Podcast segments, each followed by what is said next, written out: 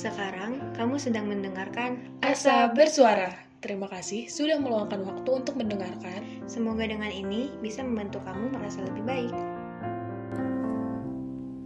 Hai Pickers, gimana kabar kalian semua? Semoga sehat-sehat selalu ya.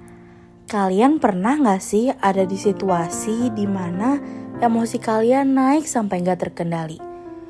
Mungkin pas lagi ngantri di kantin, tiba-tiba ada yang motong antrian lalu bikin kalian kesel.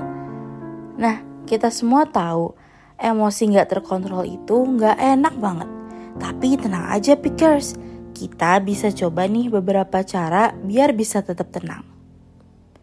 Misalnya, kalau lagi marah atau kesel, coba deh tarik napas dalam-dalam, terus hitung 1 sampai 10 dalam hati pasti rasanya udah lebih adem kan?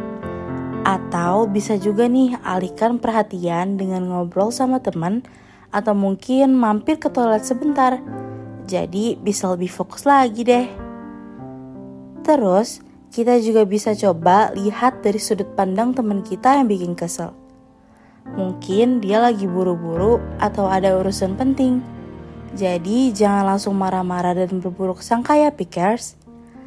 Gak lupa, jangan lupa kita pikirin dampak negatif kalau emosi kita gak terkontrol.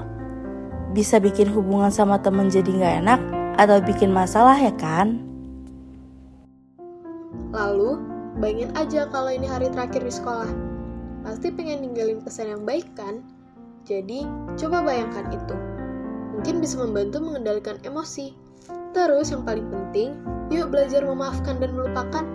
Kita kan masih muda, nggak perlu bawa-bawa masalah lama terus.